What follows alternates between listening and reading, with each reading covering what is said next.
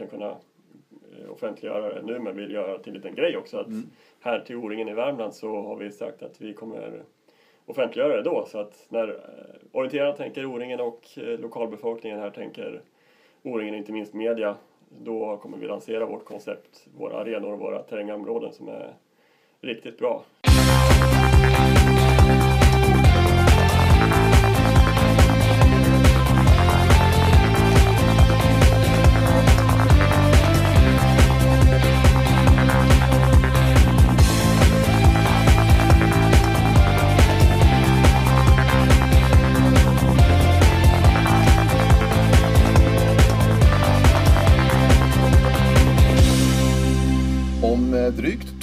År så är det dags för O-ringen i Kolmården.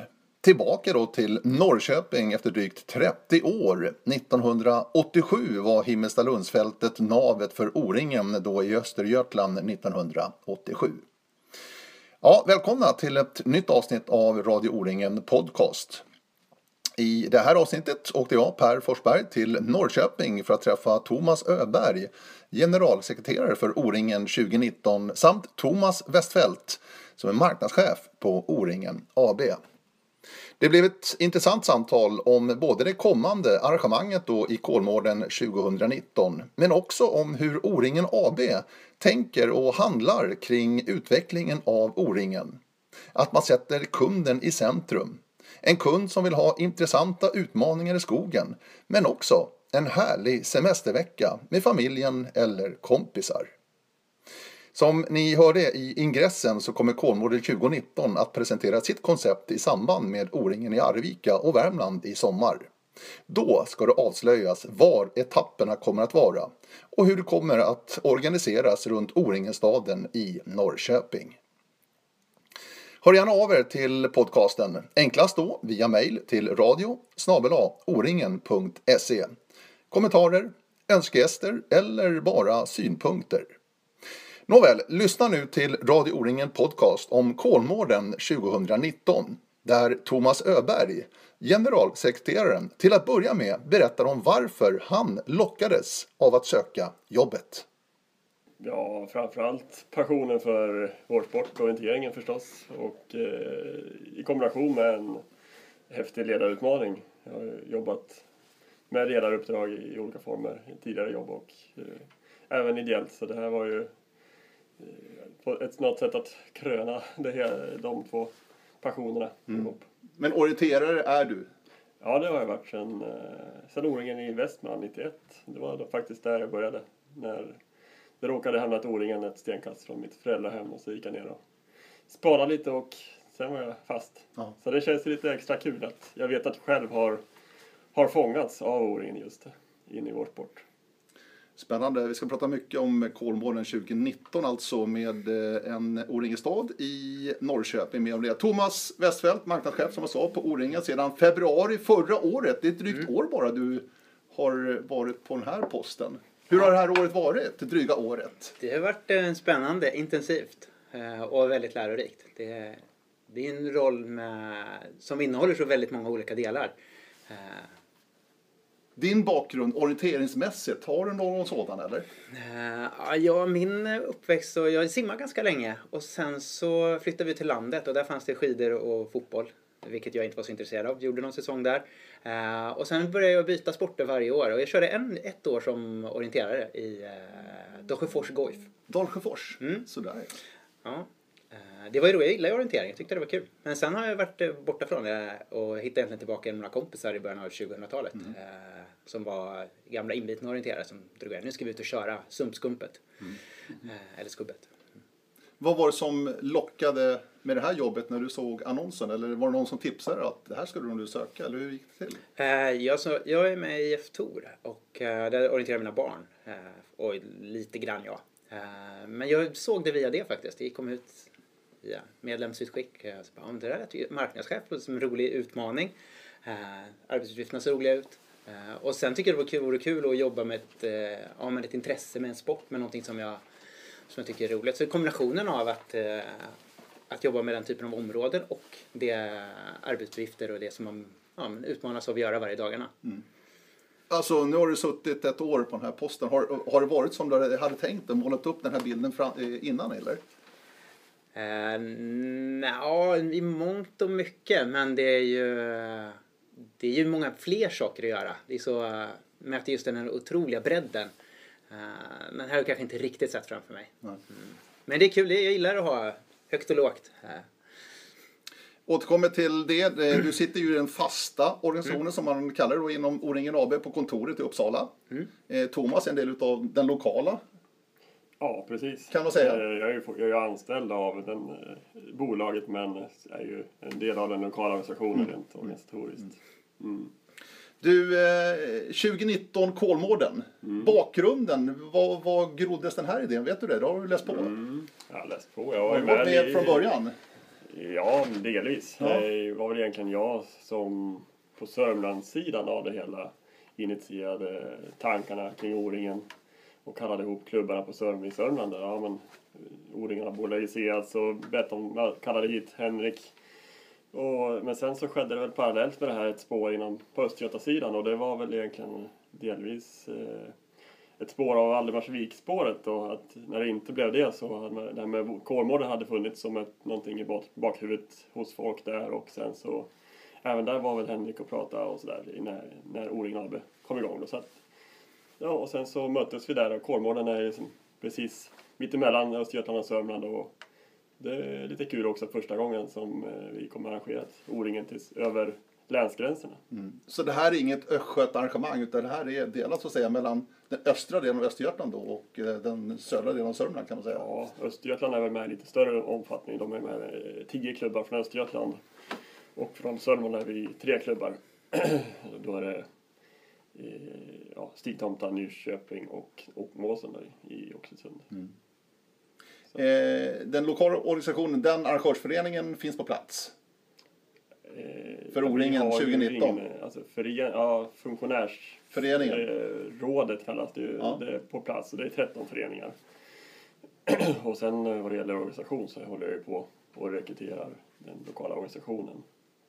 Och, och, där är ju en hel del på plats redan förstås också både ledningsgrupp och eh, på nästa nivå och banläggning och så vidare. Som är, det är mycket som redan är och rullar förstås. Mm.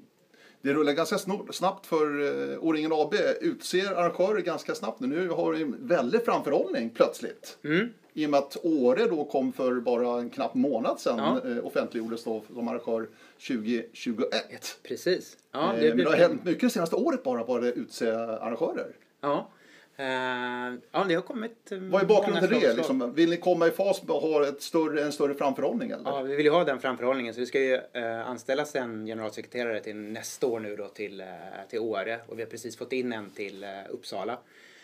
Så det, ja men ligga med den framförhållningen blir betydligt bättre. Och en skillnad nu är ju också att vi försöker få in generalsekreteraren på heltid redan från, från första dagen för att på verkligen kunna ja, men jobba både från kommunens sida och från vår sida med att få det till ett så bra arrangemang som möjligt. Mm. Nu pratar vi om 2019, det är två år framåt. Vi har ju O-ringen nu i sommar också i Arvika mm. och Värmland då och sen Övik, Höga Kusten nästa år. Mm. Men två år, är det ett långt tidsperspektiv O-ringen mått mätt? Uh, no, Nej, det skulle jag inte säga. Det går ganska fort de här två åren. Ja. Det, man tycker det är mycket, mycket tid kvar men det, det springer på. Känner du dig stressad redan eller? Nej, inte stressad. men man känner att det, det, är många bollar i luften redan. Ja. det är kul. Mm. Och det behövs ju. Det är så många långsiktiga frågor. Ja. Och, och börja räkna baklänges liksom. Vi ska ha kart och vi ska ha banor. Mm. Så då handlar man några år innan. Mm. Jo, det är även att bygga upp en marknadsorganisation som då, Precis, mitt område för att titta med hur ska vi presentera O-ringen eh, i Kolmården och vad är det som ska mm. locka folk att vilja komma på just det här O-ringen och så vidare. Det är det tar ju tid att bygga upp. Ja, det, I samarbetar är vi väldigt mycket, jag engagerar mig själv väldigt mycket i marknadsbiten mm. och det är ju, jag vet ju att det, det är där vi kanske gör en stor skillnad på antal deltagare i slutändan. Att göra ett bra jobb mm. med marknad. Mm. Nu sitter vi här i Norrköping i industrilandskapet där du har ett rum, mm. ditt kontor. Precis. O-ringens kontor här i Norrköping. Kontor, ja. Inte bara mitt, länge är det bara jag som sitter men ja. det är fritt fram för övriga engagerade att komma hit och mm. sitta någon dag om man vill det. Mm. Hur har gensvaret varit så här långt? Hur ser samarbetet ut? Jag tänker på Norrköpings kommun, ni sitter här i kommunen, regionen, nu är det två olika län också. Mm. Hur, hur ser det ut? Hur har de, eh, de kommunikationer, de samtalen gått? Tänker du med kommunerna? Ja, kommunerna och även eh, regionerna. Mm. Eh, väl, om vi börjar med Norrköping så är de väldigt engagerade och positiva. De har verkligen förstått Eh, vad O-ringen kommer innebära eh, och att, eh, att de verkligen kommer dra nytta av O-ringen som stad. Och de är, vi kör tillsammans framåt. Det känns jättekul. Att, för att de kan ju ibland stöta mig på folk som just tycker att det är långt kvar men här har man ändå fattat att ja, vi ska engagera oss tidigt också. Vi har även kringkommuner som redan nu har börjat engagera sig också. Och, så att det finns, ja, man, O-ringen är ett starkt varumärke, verkligen idag. Det Hur, hur, hur, hur, liksom var snacket i början vad det gäller placeringen av O-ringen-staden? Var det givet här i Norrköping eller pratades det upp på Sörmlandssidan också? Nyköping och Oxelösund som du pratade om. Det utvärderas eh, till viss del också. Eh, Sen så var den O-ringen-stad vi hittade här i, på Himmelstalund i Norrköping var så överlägsen eh, på alla möjliga sätt. Ligger centralt, sväljer mycket husvagnar på plana fina ytor med ett centralt O-ringen-torg. Så, Svårslagen. Jag hörde någon gång att 87 när O-ringen gick här så hade den här O-ringen-staden utsetts till tidernas O-ringen-stad. Så det, det hoppas vi ju kunna återupprepa här nu Ja. 2019. Och så finns det en hel del fasta anläggningar också där uppe Precis, på ja, men Himmelstalund. det, det är ju självklart ingen nackdel. Vi har full infrastruktur, fina ytor och sen dessutom en hel del lokaler som vi kommer kunna inhysa lämpliga funktioner inom. För här skiljer ju Thomas år från år, eller O-ringen-staden och dess faciliteter och Mm. vad, man får gratis så att säga inom citationstecken då. Det här låter ju väldigt, väldigt bra men Det är det det är inte alltid så bra. Nej, det är det ju inte. Det är ju en, eh, det är en stor utmaning med hur man ska utforma det och få ihop det med, med camping och så vidare. Vi pratade precis om Åre här nu. Eh, och där är det ju att bygga en camping för 2500 ekipage. Det finns ju inte så mycket platta ytor i, i Åre. så att det blir ju väldigt olika förutsättningar olika år. Så det här är ju, riktigt bra. Det är kul att kunna få den så nära stan också. Eh, Så man kan få, ja men det blir, öppnar upp för en massa olika aktiviteter och en riktigt rolig vecka. Både på dagtid med orientering men även på kvällar och eftermiddagar med, med andra saker. Men är inte det en, ett viktigt incitament här för hela O-ringen? Ni pratar marknad väldigt mycket också, att vara nära tätorten och staden och bli en del av samhället, av communityn liksom. Mm, det är det. Och det är också ett större intresse för kommunen att, att vara med. Om vi skulle lägga oss långt ut i ingenstans så, så blir ju inte inspelet för kommunen att de får en effekt av att få så mycket turister och sånt. Den blir också mindre. Så det är ju det är många olika aspekter att tänka på i, och kunna göra ett så bra arrangemang för alla inblandade parter. Precis. Och det är ju också en faktor när vi tittar på etappplaceringarna som eh, vi ju inte har offentliggjort än men eh, även där att eh, tänka inte bara värdkommuner utan kringkommuner också samarbeta och det märks också tydligt. Det är, det är väldigt attraktivt också att ha etapper inom kommunen. Och på ett tydligt sätt så här nära staden. 1987, då var inte du med Thomas. Nej, Du sa 91 det var ditt första. Precis. Nej, det var innan min tid som orienterare. Det var ju senast, det var Östergötland. Sen var det en gång på se- eh, 60-talet också. När Ja. O-ringen var väldigt litet i början, i sin linda där. Men då var det borta i eh, Mjölby, Motala-trakten, någonting sånt där tror jag. Ja, ja, sen var det ju Mjölby 2007 också. Ja, precis. Just det. Också östra delen då utav Precis. Östergötland. Men eh, Himmelstalund då, eh, finns det några kvar nu som kommer jobba då, som är med då? Det gör det Det säkert va? finns det säkert och jag har hört här på kommunen så finns det eh, folk på vattenbolaget som säger var med och drog eh, våra vatten eh, och avlopp eh, på Himmelstalund den gången så att de eh, jag har bett dem rota upp sina gamla ritningar. De ligger kvar de där rören eller? Ja, jag, jag tror att de är dragna lite mer ytligt. Men det finns, och de har redan gått igång på, ja vad kul att köra O-ringen igen faktiskt. Och det är roligt att höra. Och det, Du, det var då, det är 1987. Nu kommer det att bli 2019. Eh, vad ser ni fram emot? Jag menar, eh, O-ringen är ett arrangemang som utvecklar sig från år till år. Man vill göra, sätta sina, sin stämpel på sitt arrangemang, sin O-ringen-vecka, vecka 30. Vad, vad, vad har ni för tankar inför det här jättestora arrangemanget som det är? vi satte oss ju ganska tidigt och i höstas när jag kom in i det och funderade på vad, ja, vad är vårt O-ringen? Vad, ska vi, vad kan vi stå för? Vad är unikt här? Och satte då ganska tidigt en devis, upplev äventyret. För vi, när vi tittar på hur är terrängen, vad, vad finns runt omkring. Så det var väldigt mycket upplevelserikt både terrängmässigt och runt omkring och även det här med äventyr. Ja, det, terrängen är äventyr av sin karaktär. Den här liksom, smått mytiska, sk- trollskogsaktiga känslan som finns här i Kolmårdsterrängen som är unik och eh, det i kombination med äventyrliga upplevelser runt omkring form av Kolmårdens djurpark och eh, ja, sol och bad. Alltså det finns mycket som vi kan komma, e-, kunna erbjuda eh, semesteralternativet O-ringen också. Mm. Eh, terrängen, eh, Kolmårdsterrängen är ju väldigt, väldigt välkänd bland orienterarna och väldigt omtyckt också, eh, kan jag säga som vet bland orienterarna. Men hur mycket betyder det för deltagarintresset vilken typ av terräng det är? Det kanske ni kan se i era kundundersökningarna gör efter varje år, eller är det någonting man kan läsa ut ur det? Jo, men det är ju viktigt. Det är ju, när man tittar på vad som är viktigt för ett lyckat O-ringen, så beroende på hur man frågar så får man lite olika svar.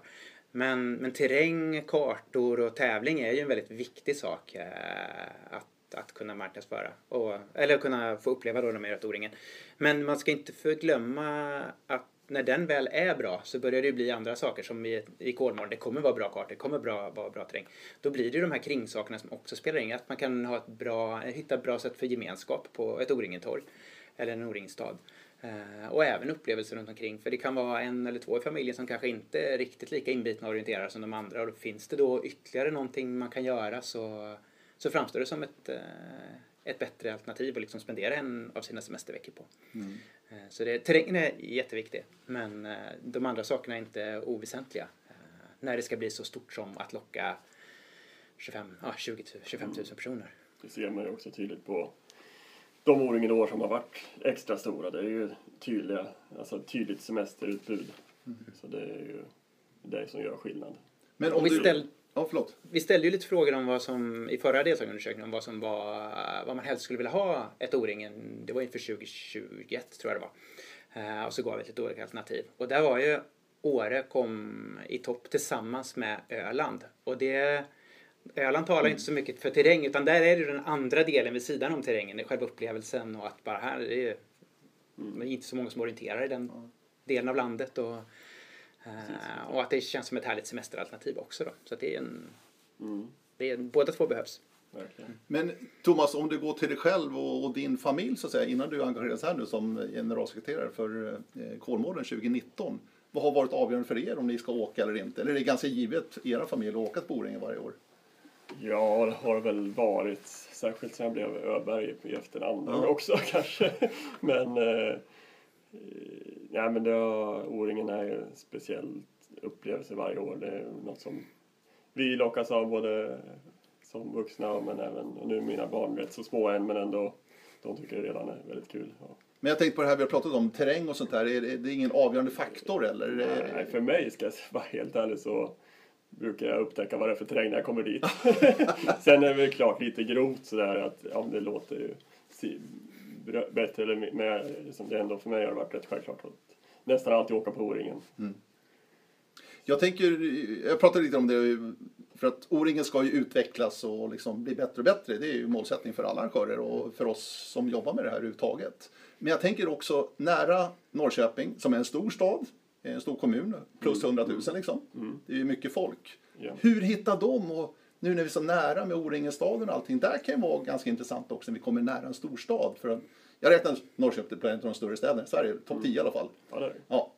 Så där kan det också vara intressant att se om vi kanske hittar Norrköpingsborna blir nyfikna och får ut dem på någon bana. Är det någonting ni Precis. pratar om och tänker i de termerna? Ja, men det är klart. Och det pratar vi med kommunen om också. Att vi gärna vill hitta någon form av eh, friskvårds hälsoprojekt med mål O-ringen.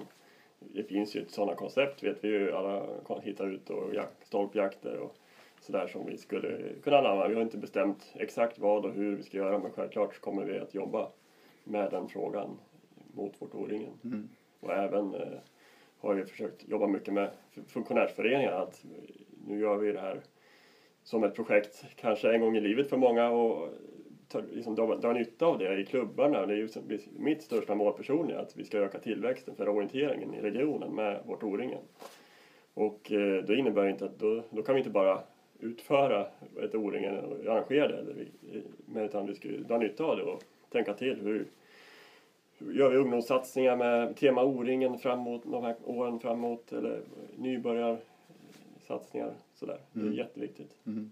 Sån plan även efter 2019 och Det är O-ring också, ja, då ska vi liksom ta nytta av det här i många år efter och med massa nya Mm. Ja, medlemmar och ungdomar Ja. förstås. För jag tänkte på en sak Thomas, det var innan du började jobba i sig. Men, men Borås var också en stadsnära O-ringen stad. Och där syntes ganska tydligt på att öppna banor var väldigt populärt den här veckan. de lyckades jättebra med aktiveringen eh, Ja. av, av öppna banor där. Så det var, men de hade ett fokus på det innan. Och, och det, ja, men det betalar sig att, att få ut folk. För det kan vara väldigt intressant tror jag faktiskt. Mm. Att hitta de här icke-orienterarna. För att vi orienterare är nog ganska lätt att sälja in till. Så de flesta Mm. är ju som du Thomas och din familj att, nej men klart, man vill inte missa O-ringen liksom. Träffa alla kompisar sådär. Det är ju så det funkar. Ja, men det är så. En gång O-ringen, alltid Ja, O-ringen. ja. Och det syns ju också på deltagarsiffrorna. De är ju ganska stabila nu och det är liksom, Mm. det är i princip samma människor. Jag säger väldigt rough nu liksom alltså, men det är i princip samma folk som kommer. Mm, man kan titta där, för vi ställde faktiskt som en fråga i förra Ja. deltagarundersökningen. Ja. Hur många utav de som var i Sälen var i Borås? Eh, och det var typ 56 procent tror jag var som hade varit i, i Borås också. Eh, så att det är ju, nu var ju Sälen mycket större så klart vi Ja. rekryterar mycket med nya för det som kom för just enkom det året. Men det var, säg att det kunde vara som 40 procent ungefär som återkommer varje år. Och sen resten rekryterar vi, de kommer inte riktigt varje år utan där eh, där väljer man lite mer. Kanske om det ligger nära, om det är något som lockar, det kanske krockar med något annat som man har planerat för sin semester och så vidare. Eh, Men så det är ju en potential. Där finns ju också en potential att, att växa, att man åker ett år oftare. Eh, Men det är jätteintressant när man är i så stor stad just som ni säger. Att, hur får vi vi får de här att glömma det dåliga från skolorienteringen, känna att det här är något jag kan klara av och tycka att det verkar som en kul utmaning. För O-ringen är ju även för en, jag som kommer från en familj som inte är med en orienteringsbakgrund, men som vi har bekanta som är väldigt eh, orienteringsmässiga. Jag minns det här från uppväxten när det pratades hemma om för de var ofta på O-ringen. Ja, det är en stor grej och det var lite så här, ja, det verkar lite mystiskt och lite stort och en upplevelse och, och, och få de som inte är där och känner att det är någonting som jag kan få vara med och uppleva och, och klara av. Det är ju en, ja, det är en utmaning kommunikativt och, och förbereda dem och då är det just friskvård, stolpjakten. Ja, Få dem att ta precis. de här stegen till att, eh, att vilja prova, komma en dag, två dagar. Mm. Ja, vi har ju även, jag tänker digitala utvecklingen tänker jag väldigt mycket på också. Folk är ute och går med Pokémon Go-appen och liksom det spinna på den trenden tänker jag när jag på hur kan vi hitta någon, göra något sånt där man liksom s- nästan smyger in folk på orienteringen med att de börjar leta efter kyrkor i stan och så plötsligt är de ute vid någon mosse i skogen. Lite sådär. Det vore ju kul att eh, ja, skapa intresse på något sätt. Men orkar ni med det här då? Jag menar, vi är duktiga på att lägga banorna och det här ute i skogen Mm. allting brukar vi säga. Sen är vi lite, lite sämre på de här mjuka delarna. Mm. Tror, men det här är på er agenda verkligen. Ja, det, det står ju, de här delarna står ju inte i O-ringens uppdragsplan som vi jobbar liksom projektmässigt efter. Eh, Men självklart är det en del av eh, hela liksom, O-ringen AB har ju i uppdrag att växa. Eh, sen, eh, och i och med att kommunen i det här fallet är väldigt intresserad också så, så hjälps vi åt kring de här kringfrågorna så att säga. För det vore synd om vi inte jobbade med det förstås. Och det, det är klart vi ska göra det och gör. Intressant. Du Thomas, eh, du kom ju från SJ, jobbade Mm. du på innan du började på O-ringen AB då som marknadschef. Och där jobbar du med kundrelationer och sånt här. Mm. Ja, kundinsikter och... Kundinsikter och kund, sådana saker. Alltså SJ är inte det företag som kanske har den största kundnöjdheten i Sverige. Mm, nej, den kan ju bli bättre. Den kan bli bättre. Ja. Men O-ringen har ju fantastiska siffror vad gäller de här kundundersökningarna ni gör efter varje sommar. Ja, det, är ju, det har varit en rolig del i eh, att byta till O-ringen. Ja, men är vi väldigt okritiska eller vad beror det på? Nej, men jag Är tror, vi så man är, jag tror man är så nöjd. Det är en rolig vecka och man får uppleva bra banor. Det är vänner och bekanta, klubbkompisar. Man träffar mycket människor med precis samma intresse. Och, eh, det är ofta bra väder, det ligger mitt i sommaren och sådär. Eh, så det är det. Men det är fascinerande att se för det är ju nästan, vi har en skala 1 till 5 som man får ge betyg på. Och det är ju, så har vi en modell för vad vi räknar ut ett snitt där då. Men det är ju nästan bara 4 och 5 Det finns några treor och sen två rätter. Det är, det är försvinnande, försvinnande få som är så missnöjda. Och även när vi frågar vad O-ringen står för, eh, för människor, så är det positiva ord. Man, vi hittar gemenskap, vänner, bekanta, eh, stort mäktigt, eh, roligt och sånt. Det är sådana ord som man associerar O-ringen med. Och det är, ju, det är ju kul. Man skulle ju kunna tänka sig att det skulle dykt upp ett ord som att det kanske kostade mycket, att det var lite komplicerat för att det är så stort och sådär. Men nej, vi såg inget sånt i den undersökningen heller. Utan det är, det är, man, är ganska posi- eller man är väldigt positivt inställd till eh, arrangemanget. Och det är ju roligt. Och det är ju någonting också att bygga på när vi pratar om marknadsföring för att du ska vilja komma tillbaka och uppleva det här en gång till. Och, eh, och sånt. Och det är ju kul när det finns att man kan ge folk en så rolig upplevelse eh, som man, Verkligen. Känner du igen det Thomas? Känner du dig nöjd varje år du åker från O-ringen? Ja, Ja, det, ja men jag är ju så, så, så inbiten och passionerad i sporten och O-ringen är ju verkligen årets höjdpunkt som orienterare tycker jag. Mm. Alltid varit så just det här, jag själv har aldrig varit någon eh, talang alls på orienteringsfronten men eh, det är så mycket annat runt omkring på O-ringen som är så roligt. De senaste somrarna här, har det gått med andra ögon då i och med, ert arrangemang nu 2019? Ja, förra sommaren framförallt. Ja, förra sommaren framförallt I. Sälen, Ja. att det var då det var klart på våren innan där och sen vart jag, jag visste ju att jag skulle gå in i rollen då. Så att självklart, då vart det ögonen på baksidan av, av mycket och det är ju något som jag jobbar mycket med våra funktionärsföreningar nu att nu till Värmland här så ska vi ha de ögonen på oss och ja, titta, lära, känna, förädla och så, vi, så att vi kan göra saker minst lika bra Mm. 2019. Känner du drivet ute i de som är med och ska vara med och arrangera här 2019? Ja, faktiskt. Det är verkligen stor passion och intresse för eh, dels de här distrikten, eller ja, både Östergötland och Sörmland är duktiga arrangörsdistrikt. Det är ju ett antal större nationella tävlingar varje år med Måsenstafett, Stitomterkavlen, Kolmårdskavlen med flera. Och de har kört 10 mila och O-ringen i, i trakterna. Många av de här föreningarna är väldigt arrangörsvana och det, man vet vad man ger sig in på, man har en glädje in i det.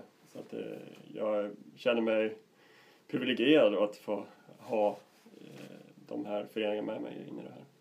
Men du, alltså det är drygt två år kvar. Vi sitter här i slutet på april, eller mitten på april kan man säga, i ett regnigt Norrköping. Känns det som att det är mycket att göra redan nu? Ja, det, det, för min del är det, ja, men det är... Det är fulla dagar liksom. Ja, det är det. Ja. det.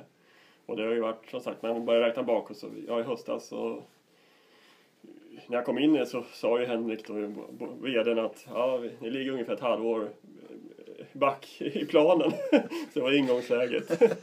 så, det, så det var ju mycket, och jag jobbade eh, bara två dagar i veckan i höstas egentligen, men det var ju ganska mycket mer om för, för just att komma fatt. Och då var det ju ett oskrivet koncept helt och hållet när jag började, så att det var eh, att utvärdera tiotal arenor vi hade och eh, komma ner till, eh, nu ska vi inte säga vilka arenor, men eh, vi kan ju nämna att vi har eh, två huvudarenor kan vi säga som en liten teaser, och, men med fem eh, väldigt varierande etapp, etapper. Och eh, sen då skulle vi, sen måste vi hinna börja rita kartor och, och det har vi ju precis börjat med och banläggarna är, på- är på plats nu. Så att, och sen är det mycket marknad eh, och bygga organisation inte minst förstås. Varf, det- varför är ni så hemlighetsfulla med områdena? Eh, självklart är det delvis för att avlysningens skull. Att det, vi vill avlysa allt samtidigt och kanske vissa detaljer som ska finjusteras innan vi avlyser. Men inte minst nu så, vi skulle egentligen kunna eh, offentliggöra det nu men vill göra till en liten grej också. Att Här till O-ringen i Värmland så har vi sagt att vi kommer offentliggöra det då. Så att när eh, orienterarna tänker O-ringen och eh, lokalbefolkningen här tänker O-ringen, inte minst media, då kommer vi lansera vårt koncept, våra arenor och våra terrängområden som är riktigt bra. Kan jag avslöja redan nu. Nej men vi har verkligen jobbat eh, med att hitta bra områden och bra, eh, som en, vi har jobbat mycket med Länsstyrelsen för att överhuvudtaget få tillgång till de här partierna där det är ett, minst tio naturreservat som vi ska komma att springa i. Och, eh, så det innebär också att terrängen är väldigt obruten så att det är få hyggen inom av de här partierna. Är det ett problem så att säga i förhandlingar och diskussioner med typ Länsstyrelsen, naturreservat, när de ställer frågan hur, hur många är ni då? Ja, det är 17 18 000. Nej men alltså, Ja, är de beredda? Kan ja. de det här? Vet de om vad O-ringen är för någonting? Eller Men som, vi är noga med att förklara vad det innebär och, men också referera till eh, tidigare eh, både genomförda arrangemang men inte minst det finns studier gjorda som eh, visar på att det till och med kan vara så att det är riktigt bra att det springer 20 000 personer genom ett, naturreservat. För då luckras marken upp och eh, frigör nya arter och så vidare. Så, så det, och det vet ju de och, i viss mån själva också om att det behöver inte vara så att man springer sönder skogen. Exakt. Du, eh, Thomas, arenorna pratar vi lite grann om. Två arenor har du nu avslöjat här att det kommer bli bara på eh, O-ringen då. För fotorientering ska vi säga. Sen Ja, eh, MTBO kan vi väl avvakta lite grann med Ja, det, vad det blir där. det kan vi göra. ja, vi kan väl... Ja. vi kan ju säga att vi kommer ha något speciellt att erbjuda vad det gäller mountainbike och orientering ihop. Ja, trevligt. Eh, Konceptuellt. Ja, men det blir en bra teaser. Ja. Riktigt eh, bra kommer det bli för de som familjer som vill göra lite av varje eller båda och till och med. Ja, spännande. Mm. För MTBO tar ju steget in nu till fem dagars tävlande i Värmland. Ja. Eh, varför tog ni det här steget, O-ringen, att liksom utöka till att bli fem dagar som eh, O-ringens fem, fem dagars är då? Ja, men det är ju ett steg att utveckla den sporten. Att eh, både preo och eh, orienteringslöpning finns ju för fem dagar. Så det är ett naturligt steg och, och för att få det att växa och kännas som en riktig vecka. Och framförallt om man ska locka MTB-cyklister från en, eh, i en större omkrets. Att du ska åka från någonstans i Europa för att, för att köra en tävling i Sverige så kan det kännas, vi, ni får köra tre dagar, alla andra kör fem. Eh, Så där finns också ett sätt att, att göra det mer attraktivt för att komma till, till O-ringen. Mm. Vad, vad ser du eh, utsikterna för MTBO, och, eh, alltså MTBO-orienteringen då, att, att växa? Att O-ringen kan vara en generator här alltså för att göra det än, än populärare eller? Det kan ju vara framförallt eh, med den här typen av koncept som eh, Thomas pratar om. Eh, Så man kan dubbla och man kan, det kan vara enkelt att prova på och sådana saker. Vi såg ju i Sälen så hade vi världens största MTBO-tävling med över 900 deltagare på aktivitetsdagen. Eh, Så det finns ju ett intresse att prova och, och så vidare. Så det kan, det kan vara ett sätt att, att få det att, ta lite mer fart. Eller ännu mer fart. Det Ja, precis. växer ju sakta men säkert. Men det är ju framförallt orienterare som håller på med MTBO. Det Det är är svårt ju- att hitta cyklisterna att hoppa in på en, en, en orienteringsbana. Nej, de, den är cykeln. svårare. Ja. Eh, Det är ju mer skadade orienterare i en större Ja. eh, grupp där. Ja. ja, så är det definitivt. Du, eh, det har snackats, vi har läst om det lite grann. Världskuppen vill ju in i O-ringen, det kan du också svara på Thomas Westfeldt då. Men eh, världskuppen och O-ringen har ju i alla fall, och håller väl fortfarande på och pratar om att O-ringen ska bli en del av världskuppen. Precis. Det pratades om förra året i Sälen så var det faktiskt en presskonferens till och med att det skulle vara med i Övik, Höga Kusten då, nästa år. Men det blev det inte. I och med att VM i Lettland då går nästan bara veckan efter. Så det funkar inte. Hur ser det ut inför 2019? Vad vet du i dagens läge Thomas om hur landet ligger till vad gäller världskuppen, IOF och O-ringen? Mm. Eh, vad gäller 2019 så är det eh, oskrivet eh, var det kommer sluta men det pågår en dialog både mellan oss och O-ringen AB och IOF egentligen löpande nu och inte minst på IOFs sida så har man tittar man på hela konceptet världskuppen där Eh, man eh, tittar på, ja, skulle O-ringen kunna vara en lämplig del av världscupen kontinuerligt? Så då tittar man egentligen primärt från 2020 framåt i, det här. Men skulle det bli så att det blir så, då blir det ju eventuellt intressant att börja på 2019 om man eh, bestämmer sig. Men eh, som sagt, eh, vi inväntar egentligen IOFs eh, beslut på sin sida först här så får vi se vad, vart det tar vägen. Så vi, men innan sommaren borde vi veta hur det blir för oss i alla fall. Vad, vad, vad står O-ringen AB i det här så att säga? Vad, vad tycker ni? Vill ni ha världscupen eller vill ni inte ha världscupen? Eller, eller vad, vad handlar det om? Eh, Ja, men vi är intresserade av att ha en världscupen. Eh, Vi, eller framförallt så är vi intresserade av att ha ett, ett startfält med en bredd på. Så att vi har allt från motionärer och nybörjare till världseliten. Eh, Och ett sätt att, att attrahera världseliten är ju att det är en del av en världscup. Eh, det kan ju också göra att det går att utveckla den delen av tävlingen på ett annat sätt. Och det gör vi ju ändå nu, eh, vare sig vi är världscup eller inte, så blir det ju en elittour från 18 år eh, redan i år. Så, så det, även de, DH18 och DH20 får springa elitsprinten till exempel. Så det sker ju saker. Vi fortsätter utveckla konceptet även om det inte är en, en världscup eller inte. Men det vore ju väldigt kul att få till. Det vore ju bra för, för sporten att få ett, ett program som, uh, som är bra för orienterarna, som är bra för O-ringen och är bra för IOF. Uh, eh, så mm. det är en, en dialog värd att fortsätta och försöka verkligen komma fram till en, en bra lösning för alla inblandade. Precis. Ja, O-ringen är ju förknippat med hög kvalitet på arrangemanget så det är klart att det vore stabilitet. Men eh, sen är jag i mitt, här, vårt fall 2019 relativt övertygad om att vi kommer kunna locka världseliten hur som helst. För att vi ligger knappt tre veckor före VM i Norge och de partier som vi nu har valt ut är minst sagt högst relevanta för Norge-VM. Så att där tror jag många kommer välja att köra sitt genrep mm. inför Norge-VM. Vilket känns riktigt kul och vilket vi givetvis kommer jobba marknadsmässigt med oavsett hur det blir med världscupfrågan. Mm. Och det är ju också ett sätt att jobba med just den här frågan. Att titta på hur vi lägger banor och hur vi, mm. ja, men hur vi gör det så att det blir attraktivt och för eliten att komma dit oavsett. Men hur viktigt skulle du Thomas säga att det är att världens bästa orientering finns på plats under O-ringen? I Kolmården 2019? Eh, jag tycker det är viktigt, rent, inte minst medialt sett, så är det ju viktigt att O-ringen har profiler som det fightas och är jämnt i toppen. Det tycker jag. Sen är ju O-ringen självklart breddtävlingen nummer ett. Mm. Men att ha toppen, det är för att vi inte ska försvinna i mediala eh, intresset. Om man tittar på de stora klasserna i O-ringen är ju ungdomarna. Eh, liksom från 10 till ja, 20 då. Uh, och det är ju kul också att kunna visa upp för dem att världseliten är där och springa Precis. på samma typ av uh, arena och så vidare. Mm. När man intervjuar och pratar med, med världseliten om hur de upplevde O-ringen under sin uppväxt så är det ju just det här, bara, ah, men det var en, den tävlingen stod ut för att det var så mycket publik och alla andra orienterare som var där. Det blir en speciell upplevelse. Det hade ju varit tråkigt om yttersta världseliten då inte var där. Mm. Det hade tagit lite udden av. Uh, det skulle ju fortfarande vara stort mm. men det skulle ändå, det blir inte samma sak. Ja, man brukar ju se ungdomarna eh, gå och samla autografer ja. med sina världsstjärnor. Det är ju, det är ju, våra förebilder är ju jätteviktigt inom all idrott. Så Absolut. Vi ska prata ungdomar alldeles strax tänkte jag. Jag ska bara stanna kvar vid eliten här. För att O-ringen är ju den tävling varje år som erbjuder den största prissumman mm. för en elitorienterad att kunna skaffa sig lite medel för en fortsatt satsning. Mm.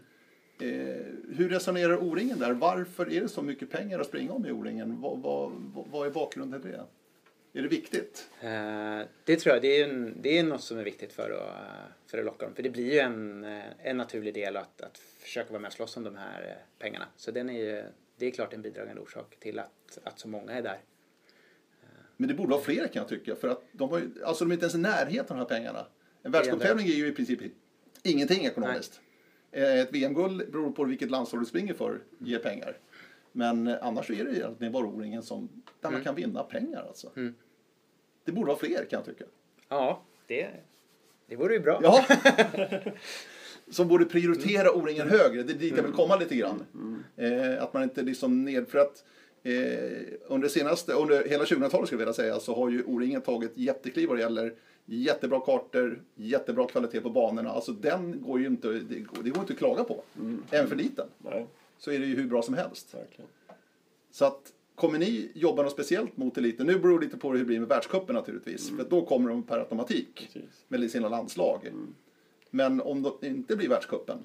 Vi kommer jobba definitivt riktat mot att få hit världseliten ändå. På lite olika sätt. Vi har ju rent konceptuellt ett antal parametrar som är väldigt goda. Vi har inte minst eh, ett antal flygplatser varav kanske Skavsta sticker ut och en halvtimme bort där mm. vi kan flyga in hela Europa till, med lågpris. Eh, många orienterare i Europa har ju inte alls samma ekonomi men kan vi erbjuda ett paket, man kan flyga hit billigt, vi kan hitta ekonomiskt fördelaktiga boenden nära O-ringen-staden. Eh, och så tror jag att vi kommer kunna locka mycket internationella löpare på så vis och då inklusive världselitlöpare förstås. Då. För det är ju många även landslagslöpare som av ekonomiska skäl inte kan komma mm. på de här stora tävlingarna. Mm. Eh, vi var inne på ungdomarna. Ska du ta, ta upp den? Det kan jag också nämna. Ja. Vi, kan, vi kommer ju förmodligen, om det inte blir världscup, kommer ju försöka jobba direkt mot landslagen i viss omfattning också. Och lobba hit dem helt enkelt och just inte minst med att det är så relevant för Norge-VM. 2019 då är det första året som man kör skogs-VM och sen blir det sprint-VM då året efter i Danmark 2020. Så det är en ny form också, en ny tid för eh, orienterings-VM faktiskt 2019. Jo, ungdomarna är ju jätteviktiga som du var inne på Thomas och är ju väldigt många och de, de älskar verkligen O-ringen.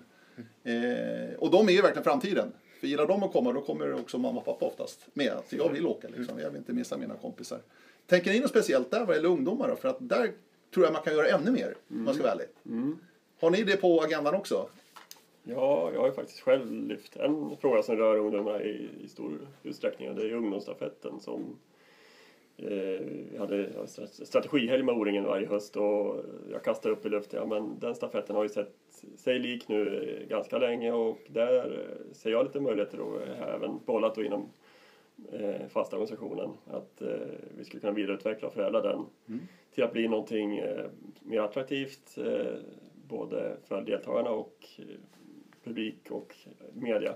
Och så kunna väx, storleksmässigt växa. Eh, utan oss, vi vet inte var det kommer landa och om det kommer bli förändring men jag tänker i termer av det skulle kunna bli en klubblagsstafett istället till exempel. Då får man en naturligt fler från klubben som kommer och följer löparna och så vidare. Så att det, det är ett spår som, eh, utvecklingsspår som vi kommer att prata vidare här under året kring. Ja, spännande. Det låter jättespännande. För ungdomarna är ju viktiga ord, eh, för O-ringen i stort alltså. Det, det, det är ju ändå en prioriterad grupp helt Det är det, enkelt. verkligen. För O-ringen. Det är det. Och då är det det här, det är ju väldigt bra just med stafettanken då. eh, För där får du dessutom den här gemenskapen, man ska bygga ett lag, man ska springa ihop och, och andra delar som O-ringen också står för. Att man, man är ju tillsammans med, med klubben, vänner under en vecka. Eh, Så det kan ju vara en rolig start på, på veckan Ja, på så vis. Precis som du sa Per också att det är ungdomarna som väljer att familjen ska åka på O-ringen. Mm. I många fall är det så tror jag. Precis. Ja. Eh, Jag tänkte kundundersökningarna ni gör där. Mm. Är ungdomarna också med där och svarar? Vet, ni, vet man det eller? Nej, ja, vi tar ju bort... För att Vi inte, tar inte det. Nej, inte för att inte... mm, mm, Det blir känsligt när man pratar med unga människor, så vi klipper vid 18 år. Eh, Men det är ju en stor brist i eh, att inte få deras åsikter om vad de tycker är... Ja, Det är någonting att tänka på hur vi kan, om vi kanske kan samla in det på ett annat sätt än att och prata med dem direkt på det viset. Eh, Du var inne på Kolmården där, eh, djurparken som naturligtvis många kommer att besöka när de är väl här. Får se till att sprida dem bara så att inte alla åker samma dag, för det kan bli lite småjobbigt. Precis. Ja, det har vi dialog med. Ja. Men Wild Kids spelar sig in också i skogarna här ju. Mm. Det är ju en eh, riktigt häftig grej. Jag har ju barnbarn som älskar Wild Kids alltså. De missar inte ett avsnitt kan jag säga. Okej. mm. Men det där kanske kan vara någonting att spinna på, sådana grejer. Jo men absolut, rent konceptuellt Ja. så tänker jag väldigt mycket de termerna att eh, inte minst samarbeta med den typen av upplevelseaktörer i regionen och självklart är Kolmården en av dem som vi för en dialog med redan och det vore jättekul. Ja men tänk dig Lejon, eh, lejon miniknatet eller, eller Bamses miniknat. Ja. Eh, för övrigt så kommer Bamse hänga med oss till Värmland i sommar. Det är redan Ja. klart. Vart klart här, häromdagen. Just det. Ja, Bamse är ju en del av Kolmården nu för Precis. tiden. Ja. Ja, stämmer det. Så att, eh, jo men det är jätteviktigt att vi inte bara gör ett O-ringen så, utan man ska redan innan man kommer dit veta att ja, det här blir ett grymt miniknat till exempel för att de har det här temat. Så att vi jobbar med hela O-ringen på, på ett tema- tematiskt Ja. sätt, gärna i samarbete med sådana här konceptuella koncept. Hur, hur viktigt är det här Thomas för besökarna? Upplevelserna vid sidan om skogen och äventyret ute i skogen, banorna och den här biten. Hur, hur viktigt är det under en O-ringen-vecka? Det är ju viktigt. Ja, men som du Per sa innan så kvaliteten på banor och kartor och sånt det har ju blivit bättre och bättre. Så man förväntar man har ganska höga förväntningar där. Eh, Och vi har hittat bra processer nu för hur vi ska kunna infria den typen av förväntningar. Och då kommer de här sakerna runt omkring att bli viktigare och viktigare. Så att den är, det är ju helt klart en, något att ta med sig. Och det är också där någonstans vi kan särskilja åren lite grann ifrån varandra. För, eh, för Kolmården ligger ju som sagt var, Kolmårdens djurpark ligger ju i Kolmården. Så det här är ju någonting vi kan lyfta där. I Värmland har vi andra saker vi kan lyfta med kring vildmarken och, eh, och saker som du kan göra runt omkring kring Arvika. Höga Kusten har sina grejer och sina aktiviteter med det här väldigt eh, landskapet med så stora höjdskillnader och, och så vidare. Det finns ju på alla ställen så har ju sin särprägel och det gäller ju att hitta det för att vi kan ja, men locka besökare att komma varje år, eller oftare. Mm. Och också ge dem en unik upplevelse varje år. Det är inte som att springa Stockholm Marathon, det är samma runda varje år.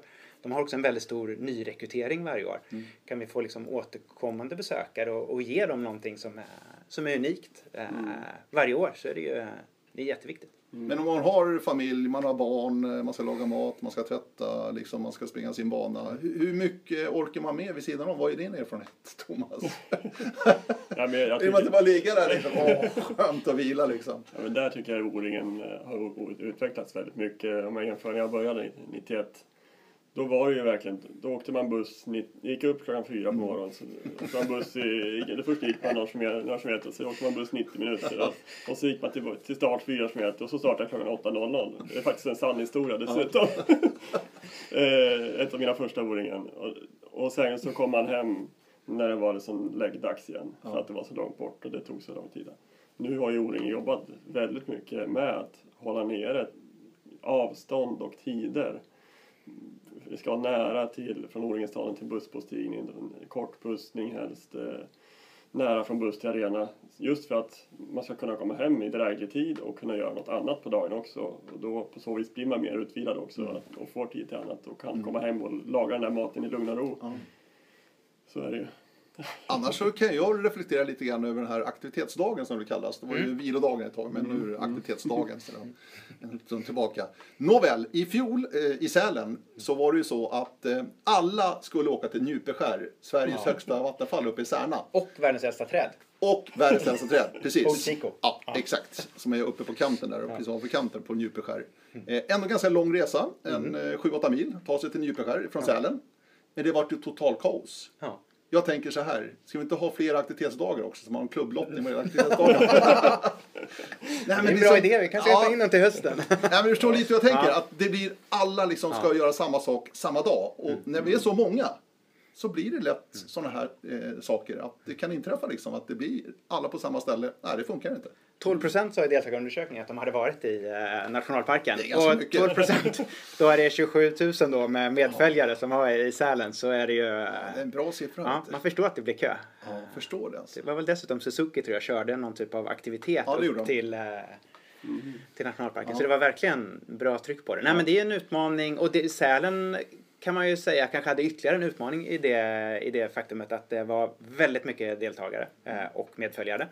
Eh, och det fanns ju inte riktigt så mycket aktiviteter runt omkring att göra. Eh, så då blir det ju också lättare mm. kö runt omkring. Utan det var Trollskogen, det var mm. nationalparken och, och några saker. Vasaloppsstarten var också väldigt populär ja. bland utländska deltagare.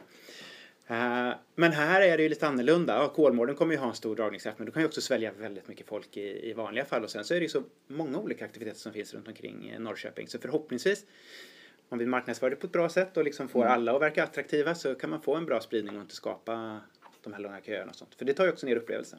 Ja, verkligen. Mm. I allra högsta grad skulle mm. jag säga. Mm, jag gillar ju inte köer. Nej.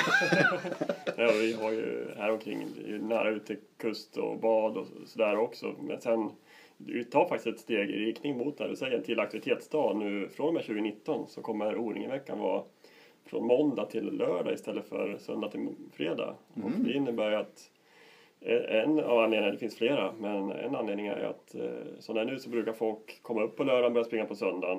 Eh, förr då, då var det ju faktiskt start på måndagen och mm. då kommer man ju på lördagen också. Det tror vi nu, man kommer fortfarande komma på lördagen och lite grann komma upp och ta det lite lugnt och just kanske göra lite aktiviteter ja. på den här söndagen innan. Så vi skapar på ett sätt en aktivitetsdag till kring O-ringen-veckan, tror vi med det här. Plus att man då, den tre dagars på slutet hamnar torsdag, fredag, lördag. Vilket ju blir mer weekendpaket eh, mm. än onsdag, torsdag, fredag. Mm. Så det, det, är två av anledningarna till att vi skjuter veckan från med 2019. Är det initiativ från Kolmården här? Det här Nydaningen eller är det O-ringen som har pratat med Terner också? Eh, O-ringen AB som har tagit initiativet. Ja, på den. Men sen, just den delen. Mm. sen nappade vi ja. på det härifrån. Ja, intressant. Ja, jag tror det kan bli bra. Ja. Mm. Får vi lite större spridning på det och, eh, och just få avslutning på en eh, lördag. En lördag. Precis. Ja, just det. Mm. ja spännande. Mm. Ja, det var något nytt. Lite nyheter. Det var en nyhet, ja, verkligen alltså. Och områdena får reda på alltså sommar i samband med O-ringen i Arvika då. Eh, vi ska ta en runda här, men du, vad, vad, vad, sitter du med just nu? Thomas, ja. alltså jobbet här inför Kolmården 2019. Mm. Vad är det stora just nu? Och... Eh, vi är i en fas där eh, konceptfasen börjar ju eh, vara i sin slutända där vi har satt arenor och terrängområden och börjar komma igång och jobba mer operativt på nästa detaljnivå i projektet. Så det är väl det, att man kommer ett steg djupare och sen är det självklart mycket rekrytering. Vi ska ju rekrytera, först är det ju, hela ledningsgruppen är ju inte helt klar men sen där under så är det ytterligare 50-tal ledare på nästa nivå. Eh, så det är ju mycket jobb med det förstås. Och, eh, ja, sen börjar ju de olika områdena rulla så det är ju mm, att leda projektet. Mm. Och mycket marknads, jättemycket marknadsarbete ja, lägger jag fokus på ja. i kombination med säljarbete och med partnersamarbetsmöjligheter. Mm. Ja, spännande. Bara jag ska lycka till Thomas. Ja, tack så Verkligen. Och Thomas Westfeldt på O-ringen, eh, i och med att du tog det här jobbet mm. som marknadschef då på O-ringen AB, mm. innebär det också att semester i juli, det är uteslutet? Uh, ja, så är det ju. det måste vara så? Ja, jag ska väl leda en dag i slutet av juni och åka till Åre och köra en multisporttävling. Uh, och sen uh, du kan inte kombinera det med 21 jobb då? Liksom. Ja, men det blir, 2021 kommer det ligga perfekt. men fram till dess så så kommer det. Nej, ja. men sen blir det augusti som är fram till, ja, jag har barn så fram till skolan startar så finns det två och en halv, tre veckor där mm. som blir mm. semester. Ja. För annars så har ju ni då på kontoret ett, ni har ju någon cykel liksom året i och med att ni har då huvudveckan i vecka 30 då varje år liksom. Ja. Det är då ni ska leverera mm. tillsammans då med lokal arrangör. Mm. Så att det innebär att året ser lite annorlunda ut än på kanske andra arbetsplatser. Men säg att 70% av min arbetstid går ungefär på innevarande år och resten går på kommande år. Så just nu är det väldigt mycket jobb med Höga Kusten till exempel. Med hela det utbudet ska vara klart nu mm. under den här månaden. Eh, så att det, de här kommande åren, eh, det blir ganska mycket jobb med. Vi har jobbat en hel del med, med Kolmården. Det är ju klädproduktionen, alla funktionärskläder som ska designas och tas mm. fram och tryckas och sånt. Det ligger ju också flera år i, mm. i förväg för att kunna använda dem innan och sånt där. Så att det mm, ja, det springer på. Ja. Hur många blir vi, säger jag, i Kolmården? Norrköping, tror du? Hur många deltagare? Ja, ja men 20 000 plus. 20 000 plus? Mm, ja. Det är mitt. Har du nickat Thomas? Ja, men jag tycker det låter ja, rimligt. Det låter rimligt. Men om plusset är med. Ja, plusset är med. Ja, men det är... Hur många var det 87, du som har facit här? Ja, 17 18 000 någonting, tror jag. Ja, någonstans där. Ja. Men eh, det kanske står här någonstans. Försöka Vi har en bok framför oss. Försöka bräcka det i alla fall. Men här har du ju fakta. Ja, men... Står inte antal Ja, 17 413. Ja, du ser. Ja. Ja. ja, det ska vi lätt bräcka. Ja, bra. Thomas Westfeldt, Thomas Öberg, stort tack. Tack så mycket. Radio Ring Podcast alltså. Eh, hör gärna av er med synpunkter. Önskegäster också. Det är ju buskul att få. Så att, eh, skicka ett mejl till radio oringen.se. Vi hörs framöver. Ha det gott. Hej då.